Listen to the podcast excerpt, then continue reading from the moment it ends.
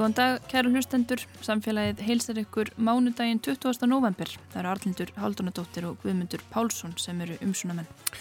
Við veldum fyrir okkur loftgæðum í höfuborginni, vöktun á þeim og leiðum til að spá fyrir um loftgæði, jafnvel í einstökum hverfum.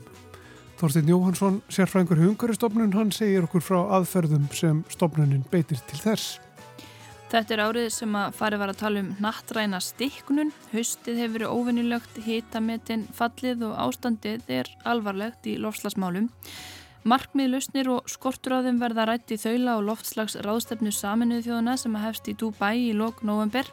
Haldur Björnsson, hópstjóri lofslags rannsókna á veðustofu Íslands fer yfir vísindin, stöðuna og væntingar til ráðstefnunar hér á eftir.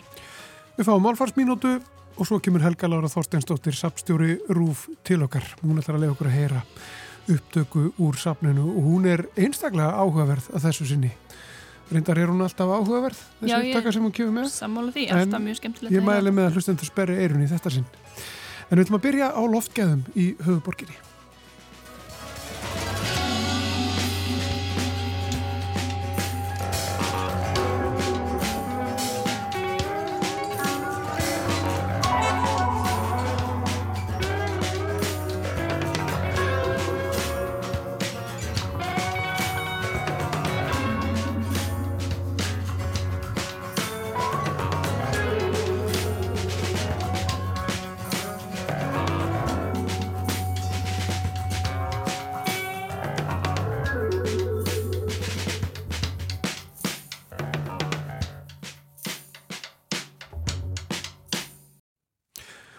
Þá sestur hérna hjá okkur Þorstein Jóhansson, sérfræðingur í loftgæðum hjá Ungveristofnun, velkomin til Já, okkar. takk fyrir.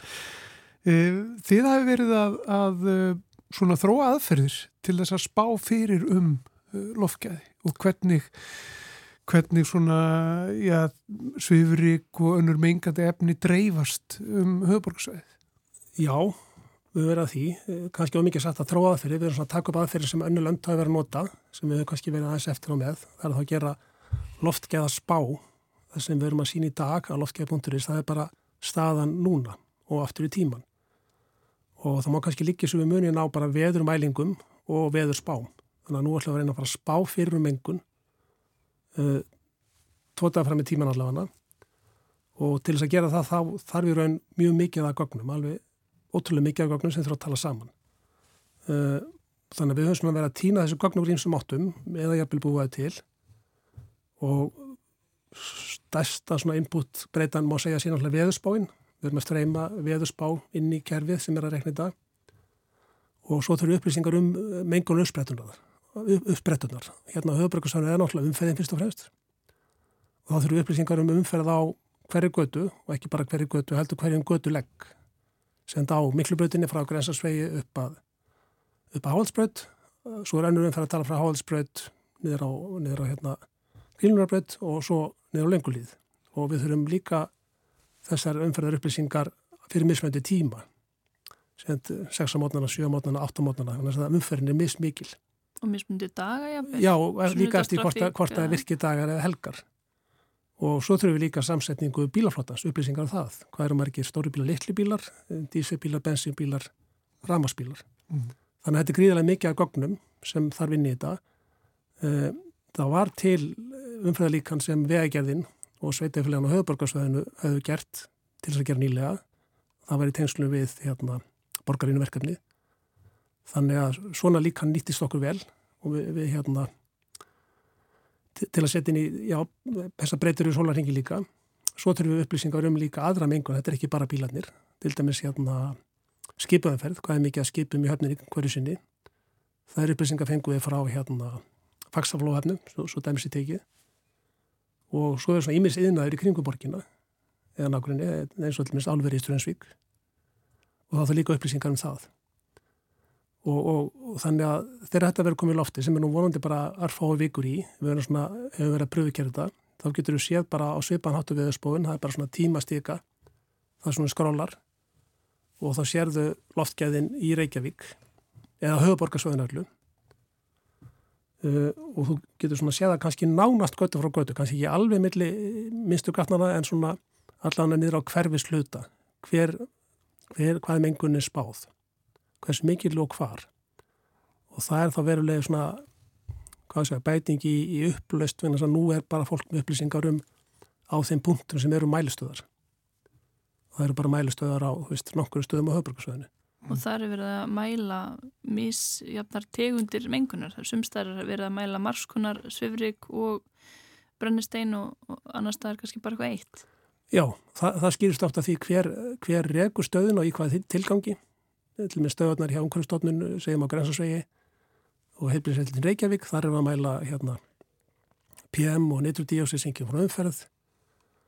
Uh, líka SO2 sem getur komið frá eldkonsum eða skipum eða brenna svartolju og líka brennþirsvetni.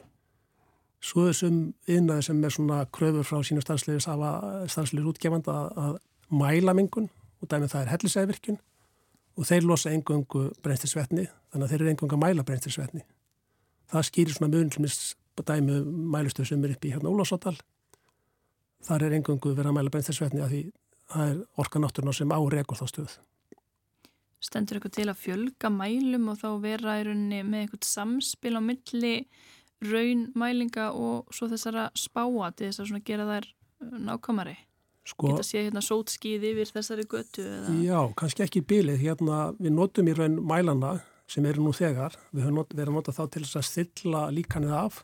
Svona líkan kannski spáður aldrei alveg rétt í fyrstu atrinu þannig að við höfum svona verið að fínstilla og þá nota maður upplýsingar frá þeim stöðum sem eru mælistöða til að stilla líkan allt og þá erum við svona nokkuð, hvað að segja, þokkalega samfærðum að það sé rétt á hinnu stöðun og líka. Uh, vissulega geti alveg hjálpa til að setja fleiri mæla, þeir er reyndra mjög dýrir svona mælar en það er hægt að fá ódýrir skinnjara sem gefa svona einhver hugmynd en þeir eru samt aldrei hárn ákvæmir en þeir getur svona allan að gefa hugmyndum hvort það sé hækka eða lækka sko. Er svona gróflega að sé hvers hversu mikil mengunin er. Mm. En þetta er sem sagt, það er hægt í rauninni að þrengja uh, spána eitthvað neðin eða uh, sjá fyrir uh, útbreystuna á, á mengunni eftir hverfum, jafnvel, og einstakar göttum eins og þú nefnir. Já, já, jafnvel. Nákvæmlega. En, en er þessi mengun, þessi eðlis að hún sko, hún náttúrulega háð veðri líka, en geta önnur hverfi en svona Já, öll hverfi í rauninni verið undir sko. Er, er vegna þess að maður ímynda sér að mesta mengunni síðan náttúrulega við miklar umferragötur og þar sem er atamnasvæði eins og hafnir og eins og nefnir? Já, já, sko það er, það er náttúrulega, það er þannig að hérna mengunni er mest við þessar stóru umferragötur og það munar um eiginlega hverja tíu metrarna sem fer frá götu og bara dæmi eins og spáinn í dag, við getum reyndar ekki sínt að þau eru mikið sjónvarspi, mm -hmm. en ef við horfum að spána í dag fyrir hérna höfbrukarsvæði þá er svona stórt svæði kringum Miklubraut og þessar stóru, stóru umferðaræðar í, í Reykjavík með svona hvað að segja kerfi reknar mengun þar, þetta er ekkert mikil mengun það er svolítið rók í dag sem bergar okkur. Aftur á mótið til minnst allir lögadalurinn er með miklu minni mengun, bara sem dæmi og, og, og, og fósásdalurinn þannig að það skiptir miklu máli hvar fólk býr.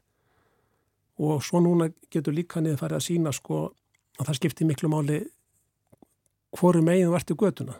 Segjum að það sé norðanátt hæg norðanátt þá ertu betur settur hérna norðan við miklu brutina þannig að mengunum berst til suðurs.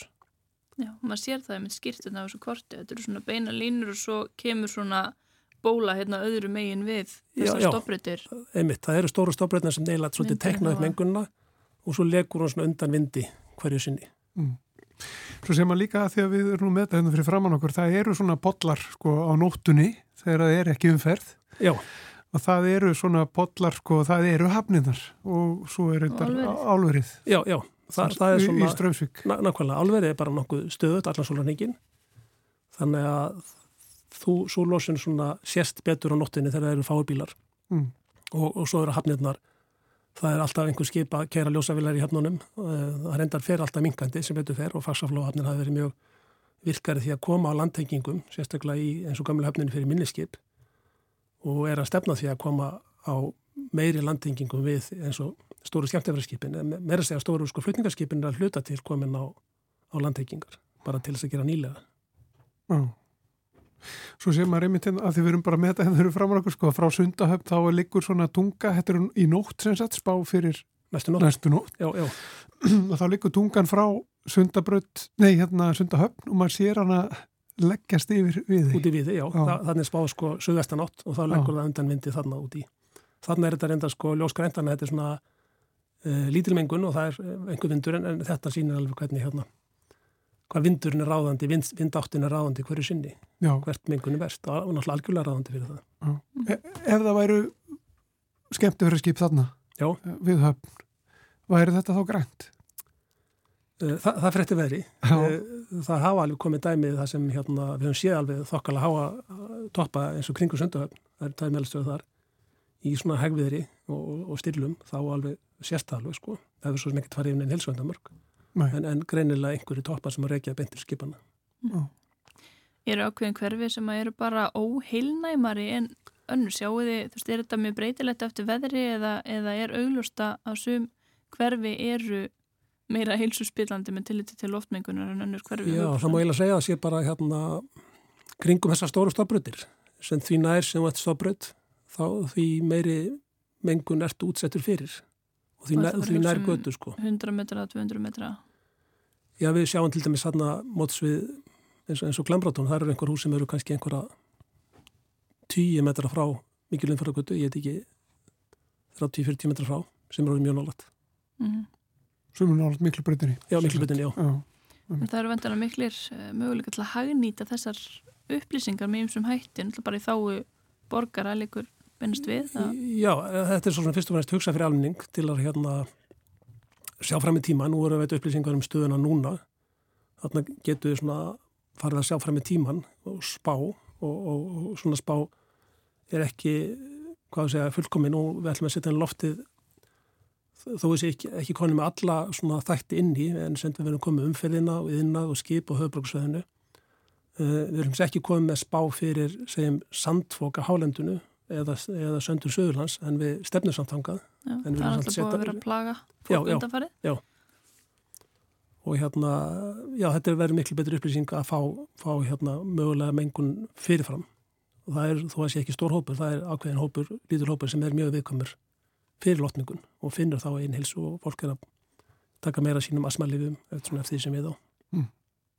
og kannski að skipulegja einmitt útivist og, og þess aftar einhvern veginn Já, já, já. já. að hlaupa með fram ringbrutinu og Nei, nei. kannski eru á- ákveðni dagar Ég er svo sem búin að vera svo byrjulplæti mörg á sko, eða þú átt að fara í útivist svona sem frístund eða, eða æfingaskinni þá átt að halda þið fjarrri þessu miklu umferðarkutum, ekki hlaupa með frá miklu brutinni mm. átt að frekar velja á dalum eða í sínu einhver staðar en aftur á móti þú ætti að fara frá A til B í samgöngukinni þá er stundum ekki hjá því komist að, að fara með fram stórum göttum en svo almennt sé að það forðast þær og, og vera þá frekar vind megin við þær ef, ef þú hefur tök á, til dæmis í norðan átt þarf það að lappa að vera miklubröðinu að vera frekar norðan við, við, við miklubröðina Mm. sem það minnst ekki og þetta er bara alltaf. Ég meina það er engin, engin spá sem breytir því. Þú, maður ætti bara ekkert að vera að reyna á sig við Í- þessa miklu umfæragötur í, í raunja og svona óþarfa útivist sko já, æfingaskinni sérstaklega ættur að forðast, þá ertu oft í meira álægi eða þú notar alltaf þá ertu í minni álægi og þar lendi mandaðir minna mengunarefnum. Þannig að þó að sé allt grænt á kortinu að þá er samt mengun.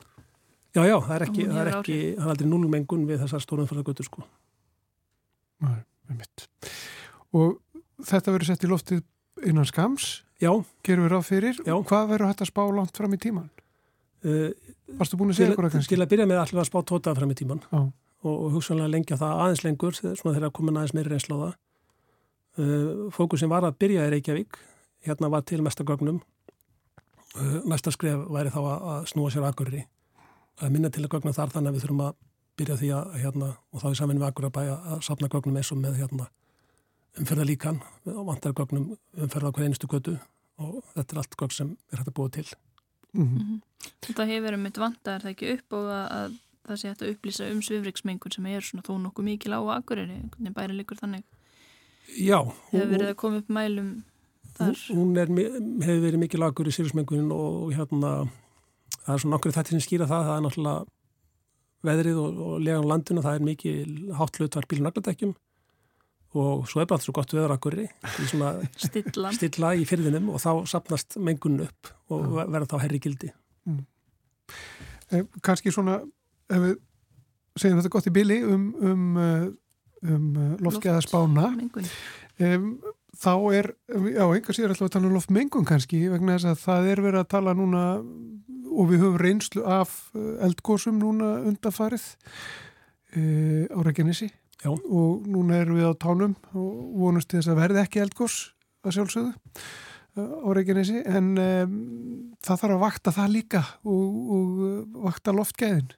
Já og, og það er svona hlutu okkar verkefni núna, það er að mæla hérna SO2 sem brennist í stígusu sem kemur frá góðsunu og við vorum að bæta við tveimumælustöðum bara núna á festudaginn í Höfnum og í, í Keflavík og, og þannig að það eru það konar mælustöð þar, það mælir í Njarðvík við Stapaskóla og í Vógum og, og hérna maður finnur það bara, almenningar sem svæðum hefur mikinn áhuga á að vita og við erum að uppfæra þessi gögn á tíminnafresti á netinu. Og svo eru líka sendt mengunni frá eldgósum eða hugsanlega eldgósi, þetta er svona svolítið tvíþætt, það er SO2 sem kemur beint frá gósinu, kemur upp um gíin frá fröninu, svo með tíma þess að svo mengunni getur svo breyst yfir SO4 sem eru agnir. Það er móðan. Það er þessi móða, það Já. getur tekið, það er svolítið háð sólus og hitta, eh, við erum kannski að tala um 1-2 daga, þannig að stundum er að koma utan að hafi einhver mökku sem fór út á haf, sem þurftu máður og komið tilbaka það er þessi móða og hún mælist ekki að þessu tveir mælum að þetta er ekki lengur gas, heldur mælist hún á, á syrismælum sem þá mjög fint syrig og við erum líka með nokkara mæla á suðunissum sem mæla fint syrig. Og er þetta að greina það á milli? Uh, já, það er, það er hægt að greina það á milli og, og, hérna send, og þú getur líka greint á milli þessara móðu og vegriksins. Vegrikið er miklu gróvara og þá hækkar það sem við kallum PM10 sem er gróvara syrrikið en ef það er móða góðsmáða þá er það PM2.5 og jæfnvel PM1 sem er allra fínasta ríkið sem, sem hækkar meðan kannski engin hækkun í gróðuríki.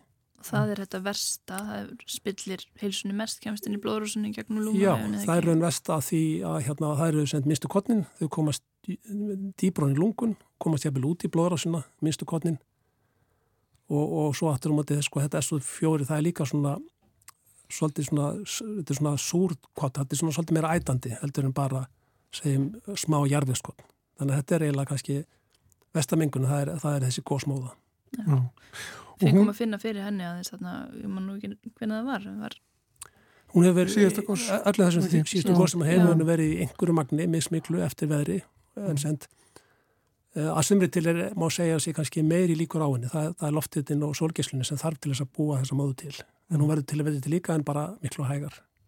Og viðstofan hefur spáð fyrir um að það ekki loftmengun vegna uh, eldgósa? Jú, jú, það er kannski aðeins hérna, verkarskipning með hlokka. Það við, við tökum svona mannlega, mannlega losjónuna bílan og yðnaðin en viðstofan hefur verið að spá hérna dreifingu loftmengur á eldgósum mm -hmm. og reynda líka hérna belgingur á belgingu.is og viðu.is og sjá spár fyrir þetta. Og þessi móða, sko, að þau verðum að tala um hana, þú segir hún fer út á haf Já. og svo kemur hún kannski bara, byrtist hún aftur um, og hún getur farið við það, er það ekki? Hún getur uh, byrst jú, jú. allt annars ára landinu. Já, já. Og, öðrum löndum. Öðrum löndum, í fyrsta góðsumni. Fyrsta öðrum maður ekki lengur þá hérna var hún greinilega í færium.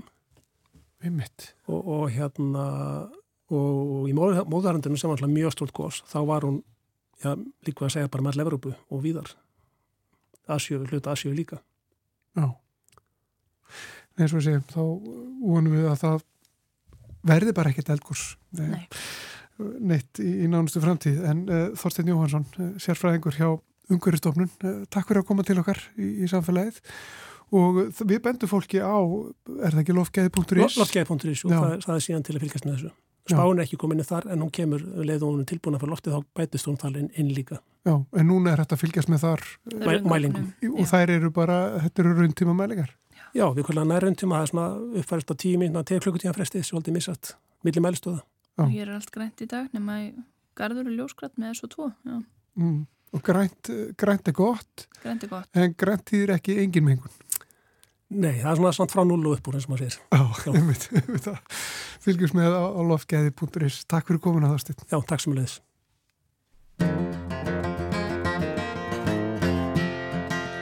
In constant sorrow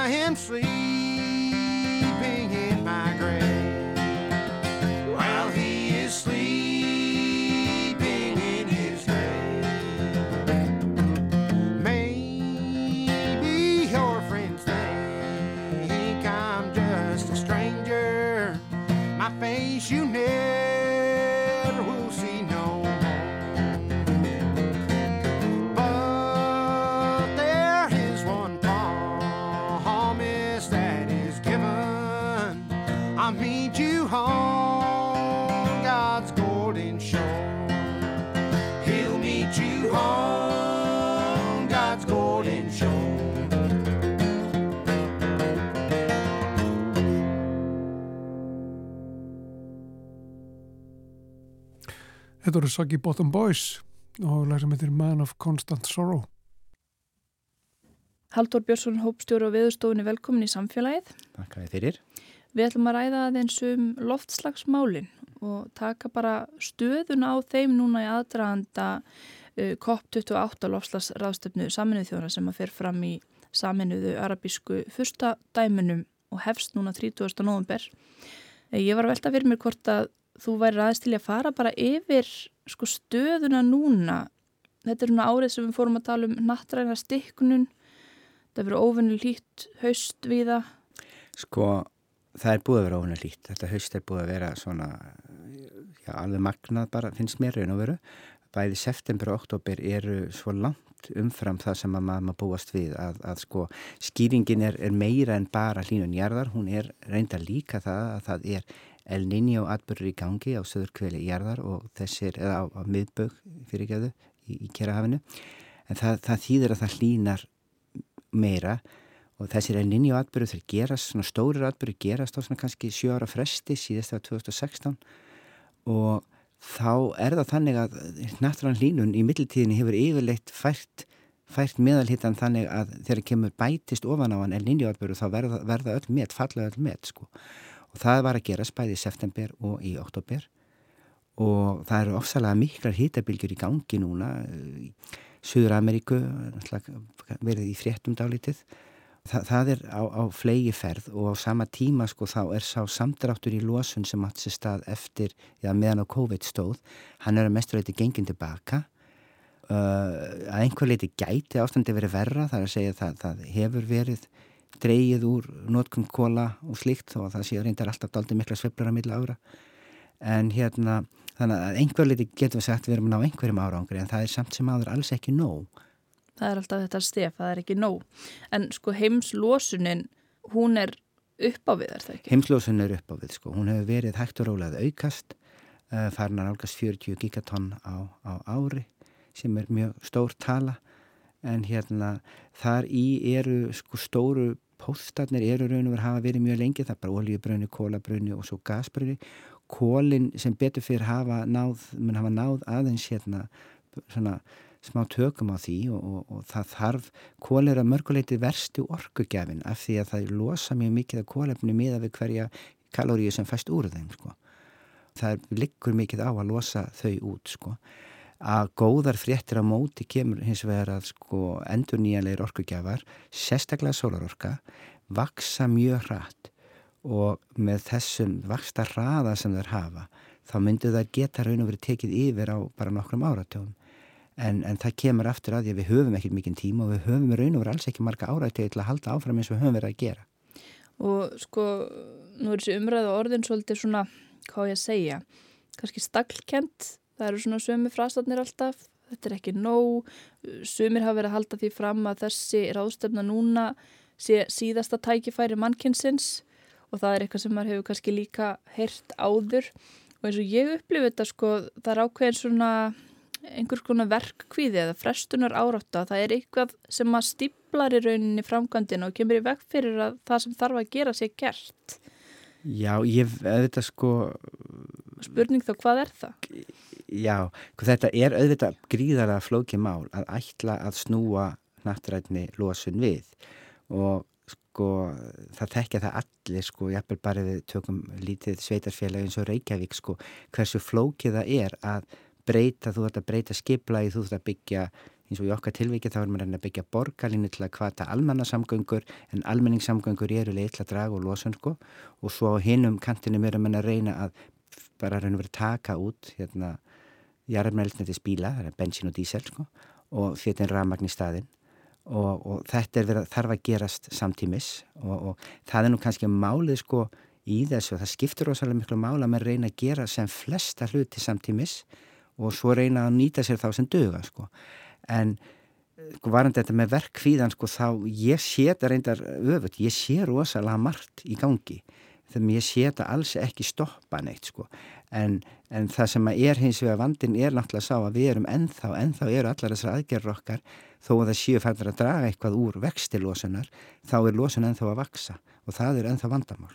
Þannig að það er árangur sem hefur náðust að Já, þetta gæti verið verða. Orka, já, þetta gæti verið verða það vöxturinn er örlítið hægari. Hann er aðeins hægari. En enga síður þá voru saminnið þjóðan að gefa það út bara núna fyrir stuttu að sko þessi heimild sem við höfum eða budget, mm. hérna loftslagsveskið okkar að þjóðir heimsi að fara að sprengja það allavega bara með við áallanir um losun og, og framlýslu og gerðarstiti þá sé það tvöfalt á við það sem að við í rauninni meigum Já, nota. sko Sko eins og þetta virkar uh, núna, fyrir nokkrum áratöfum þá vorum við bara að hugsa um okkur þegar maður dragur losun og, og byggja til Kyoto samningin til þess og, og, og svo í aðdraganda Parísar samkomlagsins þá var þetta ferli bara alls ekki ganga nóvel upp og þá ákveði manni gera það þessu öðruvísi. Við bara búum til þrepp og segjum losun á ekki að fara svo mikið að vera svo mikið að það hlýni við meira en 2 gráður og við ætlum að leita leiða til að takmarkana við 1,5 gráður.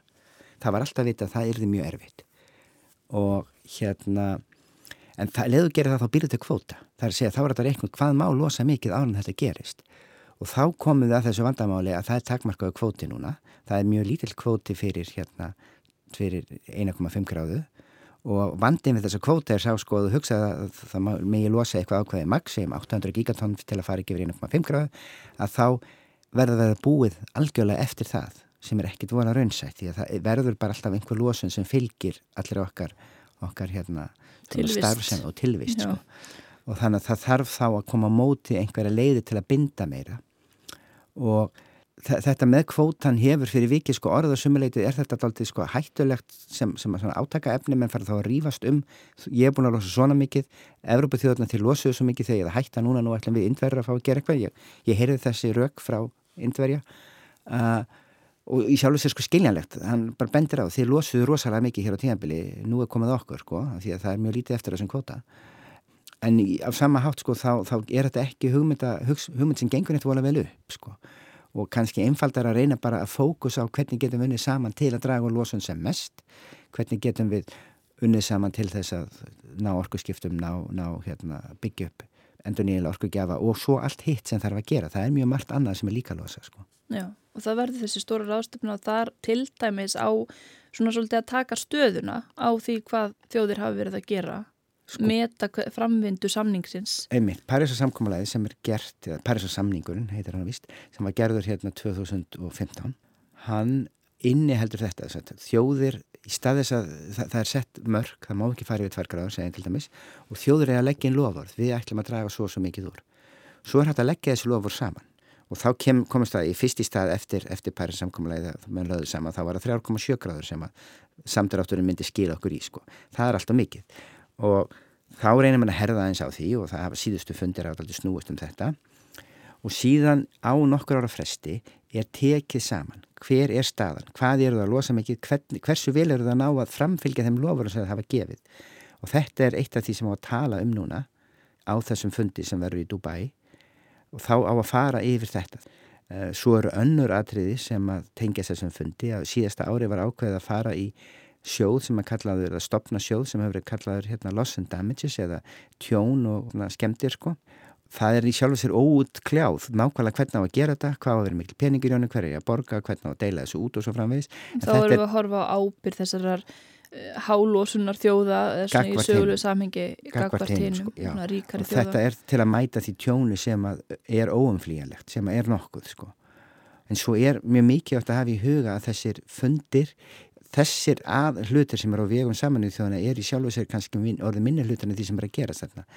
Mjög mikið annað sem er að gerast er tengt, eh, svona lauslega tengt þessari samanuð þjóða stefnu, hlutir eins og til dæmis fundur um aðlögun að loftlagsbreytingum, það eru ímsar þjóður sem eru þá að hittast og deila reynslu sinni og það gæti sjálf og sér hist hvar sem er, það gæti hist í hvermanahöfnið eitthvað en það er, ef þú ert með nóg mikið af þjóðum þá, þá er bara einhver punktur nóg góður sko og það sem að alla flugvelar skarast er, góður staður yfirleitt þá er Dubai sjálf og sér ekkert verið staður en hver annar sko.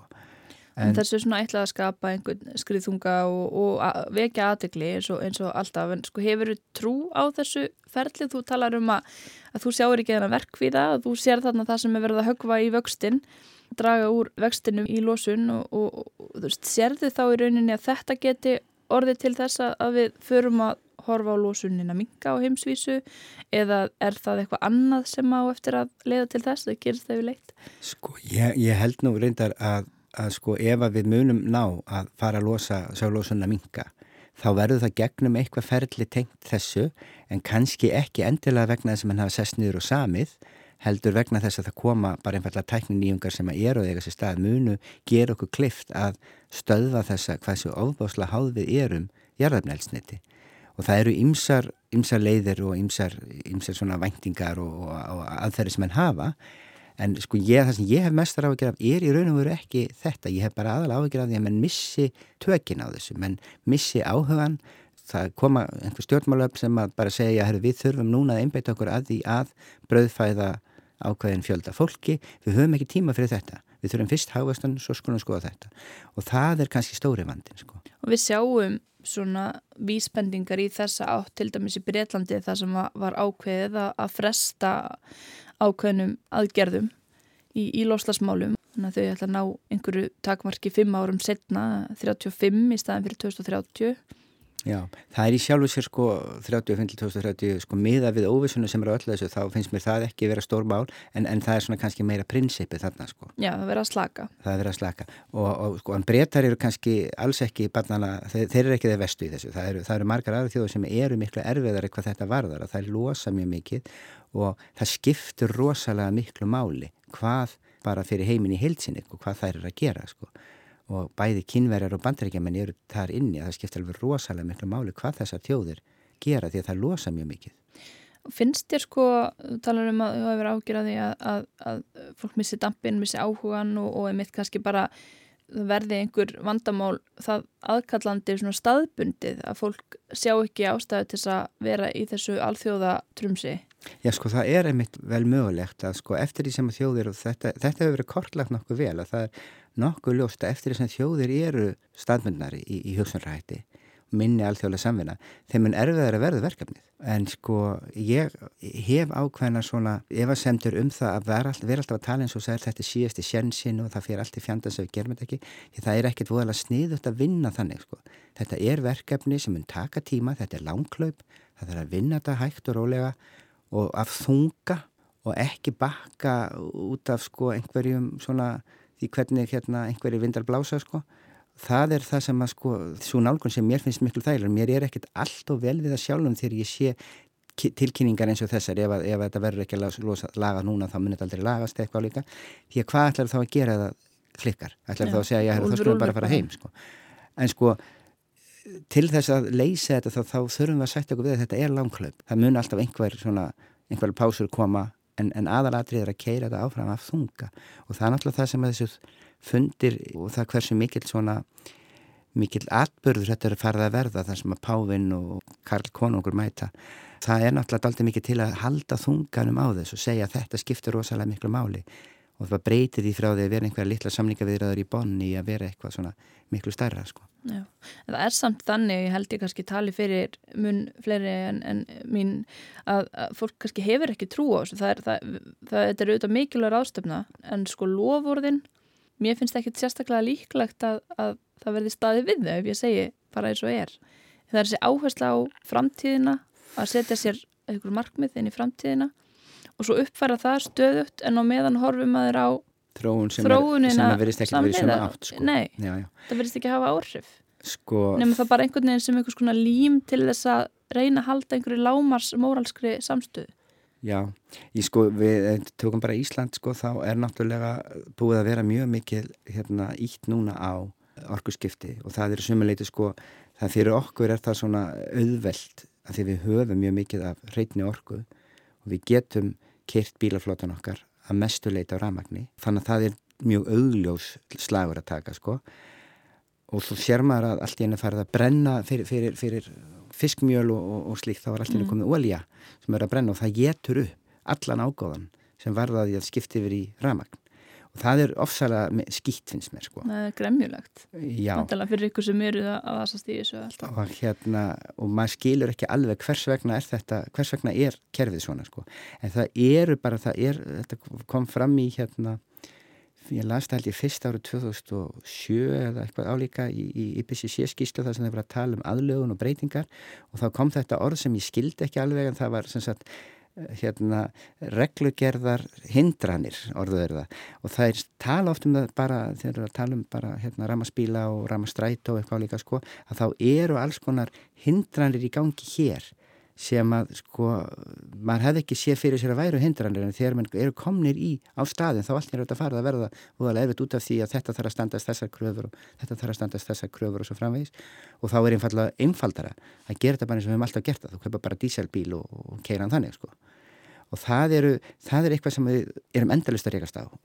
Samfélagi er merkilega flókið hvað þetta varðar sko Já, og þegar fólk fer í það að framkvæma þá náttúrulega kom allar hindranir í ljós. Þær kom ekki endalega í ljós þegar að markmiðin eru bara Sett, nei og það er engin alveg hugsað fyrir þeim og menn hefða líka þegar þú setur markmiðin þá ertu bara ákveðin í því að ég ætla að gera þetta og bara glíma við hindranandi þegar ég rekst á það sko og núna erum við að rekast á það sko.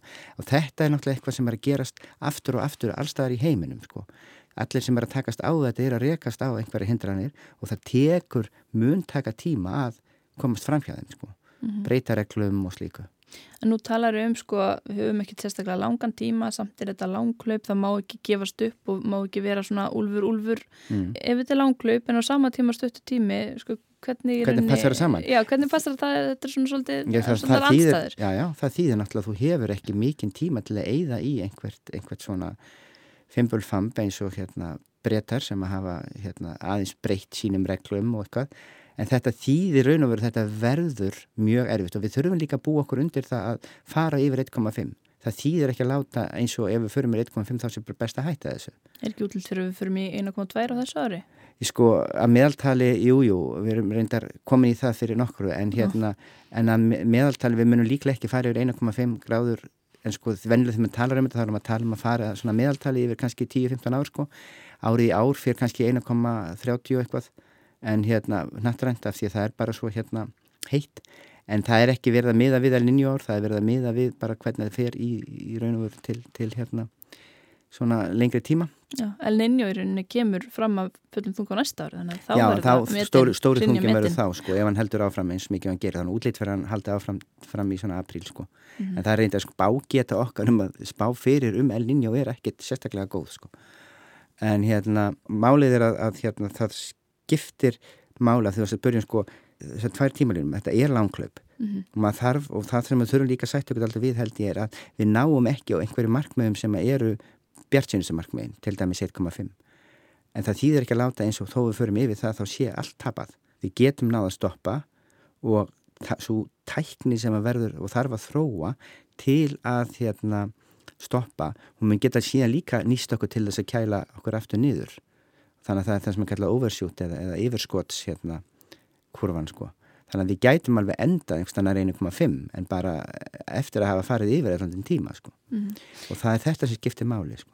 Já, og það er kannski bara lóku sko, maður hefur ákveðnar ágjör af því að fólk sé svona komið með svona svolítið domstags hugsunarhátt og það nálgist þetta einhvern veginn af vannmætti og upplifi að þetta sé hvort er allt tapað þegar það sér kannski ósanfærandi lofvorð og þeim ekki fyllt eftir svona á heimsvísu og að, að eh, þá sé þetta í rauninni, það sé engin þörf á þessu. Eh, Það, það er svo mikilvægur þessi punktur að skaðin eikst eftir því sem að það hlínar meira og þessar breytingar verða svona hamslausari.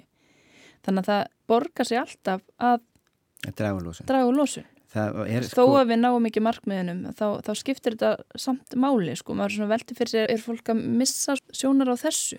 sko, það er ágætt bara að, að, að alltaf þegar sko maður stendur frammi fyrir einhver óvissáfsandi þá er mjög gaglegt að velta fyrir sig hvað eru slæm, slæmarsviðsmyndir, hvað eru slæmi möguleikar, hvað, hvað þetta gerist og átta sig á því að maður getur yfirleitt undirbúið sig og, og bjarga sér sko. Og þá líka slappa maður aðeins af sko. Og hvað var það loftlagsbreytingar? Þá er það alveg að reyna. Það eru þrýr hlutir sem við þurfum að gera. Við þurfum að draga úr losun alveg eins mikið og við getum. Við þurfum að aðlagast af því að það tjón sem er komið fram og það tjón sem mun koma fram, það er daldið, þó nokkuð af því óumflýjanlegt eða það er afleðingar sem koma fram. En með því að aðlagast þá getum við undirbúið okkur þannig að þetta valdi ekki jafn miklu tjónu að það myndi valdið að gerist í dag. Síðan þurfum við líka að byggja upp þjóðfélag sem eru lofslagsþólinn og geta ráðið við það högg sem að annars og að einhver leiti við náum ekki aðlaga okkur frá sko. Og það er eitthvað sem að við sjálf og sér getum allavega á Íslandi ættum ekkert svo erfitt með að gera en, en það er kannski svona fyrir heiminn í heilsinni verður þetta erfiðara. Þetta eru þessir þrýr þættir sem, sem við erum raun og veru setna, og þarf að vinna að og nokkur veginn samtími sko. Mm. Er Að- jafnvægi á milli þeirra eða er sko aðlögunar þátturinn að fá of mikið vægi núna á kostnað eh, þess að draga úr losun? Nei, ég held ekki sko. Uh, Allögum kemur tiltölulega seint inn, þannig að það er kannski þess vegna sem við heyrum meira um það sko. Það að draga úr losun er náttúrulega eins og þú sagður sko af því að það að að áhrifin versna alltaf Þannig að með munar um hvert sko. brot úr Það munar um hvert, já, það munar um fyrir. það sko. Þannig að hérna, þess vegna borgar sig að það er, er sko besta eða peningurum í það en við þurfum bara líka að hafa í huga að það eru hlutir sem munu gerast af því að það bara, við, við erum, höfum mistað svo mörgum möguleikum til að draga úr losun að það, mun, það er þegar á nákvæðin hlínun, hún mun aukast eitthvað áfram og vegna þess að verða afleðingar, jafnvel þó við náum að draga úr, draga losun og, og fara nýra 1,5 gráðum að lokum vonandi. Einmitt það, uh, við ræðum aldrei allt, allt sem snýra þessu í, í einu viðtali en, en ágætt að taka stöðuna svona í aðdraðanda loslasraðstöflunar í saminu arabísku fyrstadaminum. Takk fyrir að spjalla við samfélagið, Haldur Björnsson. Takk að þið fyrir.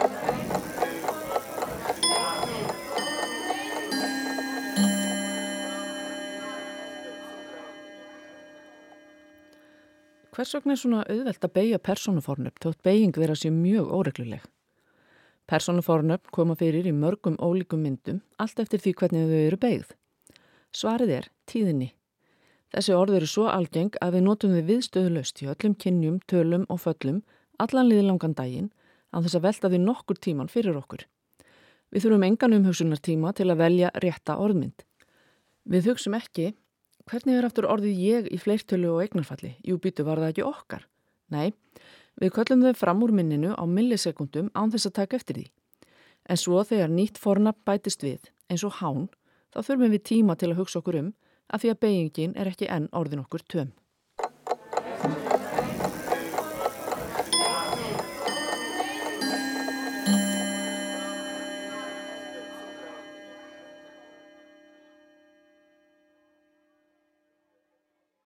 Hún sést í okkur Helga Lára Þorsteinsdóttir, sapstjóri Rúf, verður velkomin til okkar. Takk.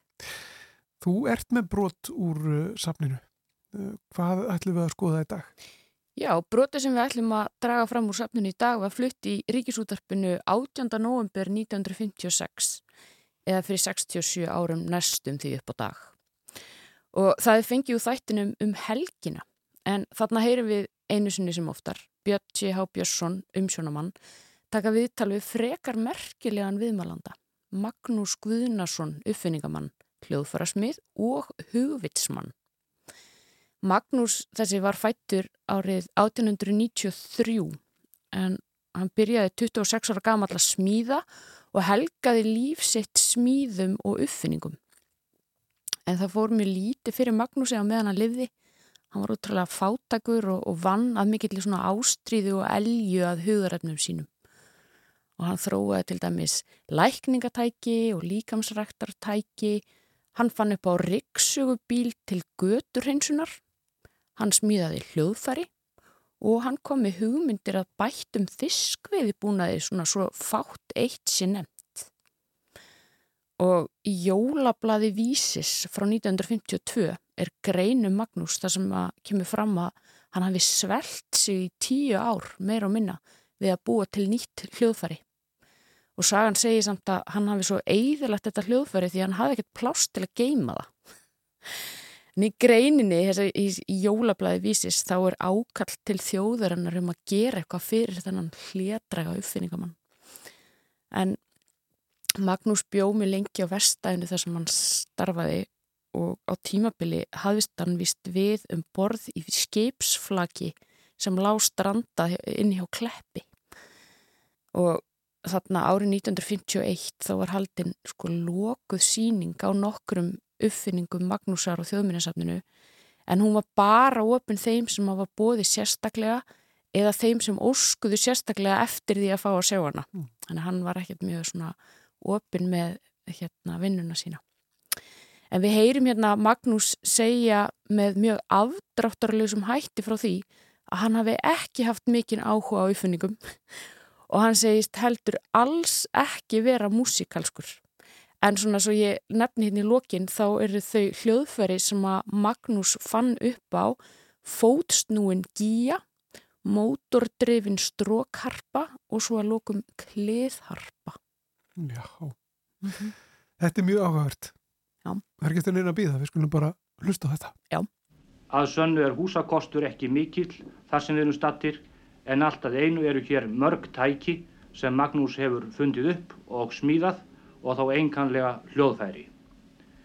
Mér langaði að spyrja þig Magnús nokkura spurninga varðandi þetta sem þú hefur hér í kringum þig. Ertu búin að fást lengi við hljóðfærasmíð og uppfinningar hljóðfæra? Ég byrjaði á þessu 1919.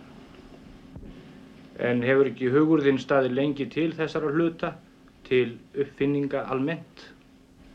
ekki fyrir ég var árið fullari maður. Og þessi... Og ég hef ekki mikla interess að því. Það er aldrei skrítið að heyra það að þú hafið ekki mikla interess á því en hefur þú helgað þig mestan part æfinnar þessum hlutum? Já, það var ekki um hann að ræða. Þessi hljóðfæri sem eru hér í kringum okkur eru af ímiskonar tægi. Enganlega eru hér tvö stór hljóðfæri sem Magnús kallar strókhörpu annað og hitt nýju nafni sem ég þykir eiga vel við hljóm þess, hann kallar það kliðhörpu. Eru þessi hljóðfæri Magnús algjörn í smíði er, eða eru þau búin að ganga í gegnum fleiri stig hjá þér? Strókhörpan þessi sem þú sér það er fymta tilrönn. Það er fymta útgáfan af þessu hljóðfæri? Fymta útgáfan það er hann en kliðharpan sem er eilítið meiri um sig er hún... Þetta er fyrsta tilröðin. Það er fyrsta tilröðin, já. Og gætur í örfáum orðum sagt mér um, hvernig hún er í innra, hvernig hún vinnur. En það er óglögt að lýsa því, það er ekki gott, en þá er hún mjög einföld. Það er mótor lítill, svona líka sömuvílamótor sem að snýst náttúrulega og hreyfir hjól, hjólið hreyfir arm á arminum sem að kemst á reyfingu fyrir það að maður snertir það með fingri Þá snertir það streng, strengina. Það snertir að strengin, sko, hann fer upp þessi armur og á honum er svolítið nögl sem að hrifsar í strengin og þá kemur þessi tótt. Og þetta hljóðfæri sem stendur hér sem er að mér sýnist ákaflega haglega gert og dáfallegt að sjá, það er ekki rafmaks hljóðfæri eins og hinn tvö, það er, skilst mér, e, snúið með fætinum. Það er stígið með fætinum. Og, e, og leikið á það með, með, e, Með vinstri hendi, tónnin vakinn, vakinn með þeirra hægri.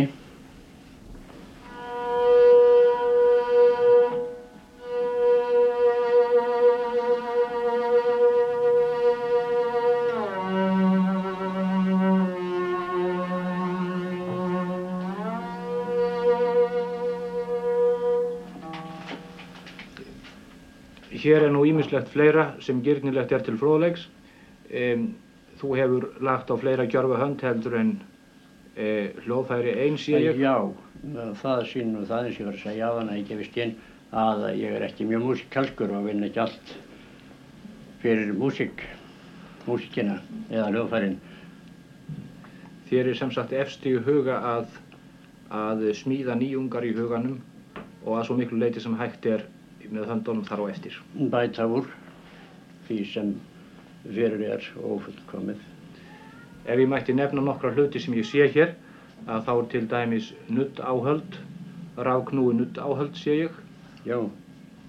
Með burstum og, og e, nuttlækningatækjum. Hefur það verið reynd? Það er e, aðeins eitt atkvæði sem ég hef fengið. eitt atkvæði, já, já. Það er eftir því að við eftir að vita hvað það er mikil prósent af þeim sem við hafa haft á sem þetta var skoðað. Þekktilegna tveir hafa aldrei. Það gæti verið gott við gikt og öðrum slíkum kvillum stappleika. Nú, það er, eru menn sem hafa að prófa þetta. Ég sé að þú berð ekki aðeins heilbreyksi mannfólksins þarna fyrir brjósti, heldur einnig e, búfjár því að hér upp á skápnum stendur lítið mótil af heilhlöðu með ákvæmlega sérstæðu móti. Ég tala nú sem minnst um það því að það hefur ekki fengið neinar undirtæktir svo teljandi sé eh, ekki hjá lærðum mannum en því betri hjá hinum. Og enn nefn ég eitt hlut sem stendur hér, það er e, sjálfvirkt hlið í litlu, lítilli líkingu. Já, það gerðist allir vel að því. Það er opnað með sérstökum, sérstökum útbúnaði sem er inn í öðrum hliðarstöflinum Já. og liftir sér og opnast um leið. Já, það er hagkvæmt. Það hefur meðal annars þann kost að þó að snjói þá verður það ekki til þess að skemma hliðið eins og þessi venjum hlið þau skemma sko þegar þau eru feld, feld hált í kaf. Já, það er rétt. Þá er hægt að opna það alltaf einu. Þau eru feld hált í kaf. Þá er ekki hægt að opna þau nema að brjóta þau að bramla en þetta að opnast upp og fyrir það skemmist það ekki þó að sé notaði um það gengið. Og þessir hlutir sem við hér höfum nefnt eru að mér virðist ekki nema brota því sem þú hefur síslað við hugurðin verður sem sagt ekki hafa stemt að, að hljóðfærunum einum heldur í margar og ólíkar áttir. Nei, eins og ég sagði þér áðan, sko, þá er ég ekki mjög músikalskur. Það er... legg ekki mjög mikið upp úr því eins og sem sett ekki fallið inn í það líkt og listamenn gera. Ég tel mér heldur ekki verið það. Nei, ég, mér virðist að þú eigir frekar skilið orðið hugvitsmaður. Já. Það má kannski segja það. Við erum ekki mikið áhuga fyrir þessu, eða hátt fyrir því, en uh, það er sennilega einhverju hugkvæmni sem er þarna á ferðinni. Það er ekki að samaskapi sterkur áhugi fyrir því, nema svo miklu leiti sem að maður flest allir okkar vilja bæta hendur úr, hendur nálega það sem að fyrir hendi er og hefur árið notað álíturðu nú þessa hluti, þessi hljóðfæri sem hér standa eh, endanlegar, endanlegar tilraunir? Langt frá því. Þú eh, ætlar sem sagt að reyna að koma þeim á framfæri til frekari fullkomnunar. Gjarnan vildi ég það. Eru nokkur tök á því hérlendis heldur þú? Nei, Engin. einhver peningar og engin tekni á þessu sviði. Nei. Það væri sem sagt eina ráðið að koma þeim í hendur góðra fagmanna erlendis. Annað þýðir ekki. Nú langar mig, Magnús, með þínu leifi að byggja Pál Káur Pálsson, organleikara í Hafnarfyrði, að leika á þessi hljóðfæri fyrir okkur. Hann gengur auðvitað þeim óvanur en alltaf einu trú ég því að hún takist að láta þau syngja fyrir okkur. Já, við skulum gera það. En eins og allir geta séð, þá eru þetta aðeins hljóðfæri í tilrunaskyni byggð en ekki e, svo að þau séu notað í venlegri merkingu. Eh, Við skulum þá byggja Pál að loða okkur fyrst heyra í strókhörpunni.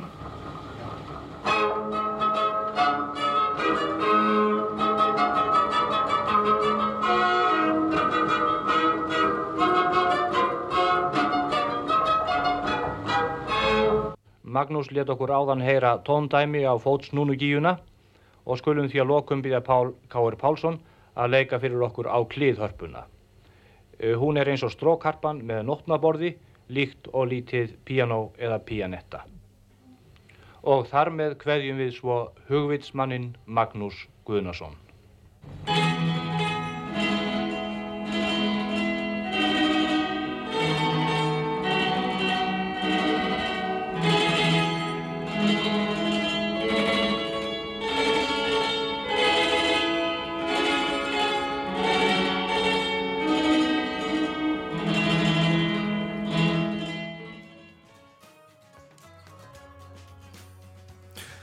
Þarna heyrðum við viðtal Björns T.H. Björnssonar við Magnús Guðnason, uppfinningamann, hugvitsmann. Áhrifarík, áhrifarík tóndæmi þarna. Heldur betur og þetta er frá árunum 1956 eh, þessu upptaka sem að Helga Lára Þorsteinsdóttir færið okkur þennan daginn úr safni. Rúf. En þá er bara, já, getum slegið botnin í þennan þátt. Já, uh, Guðmundur Pálsson og Artildur Háldanadóttir kveðja þennan daginn. Verðum hérna aftur á morgun. Heyrst á, verið sæl.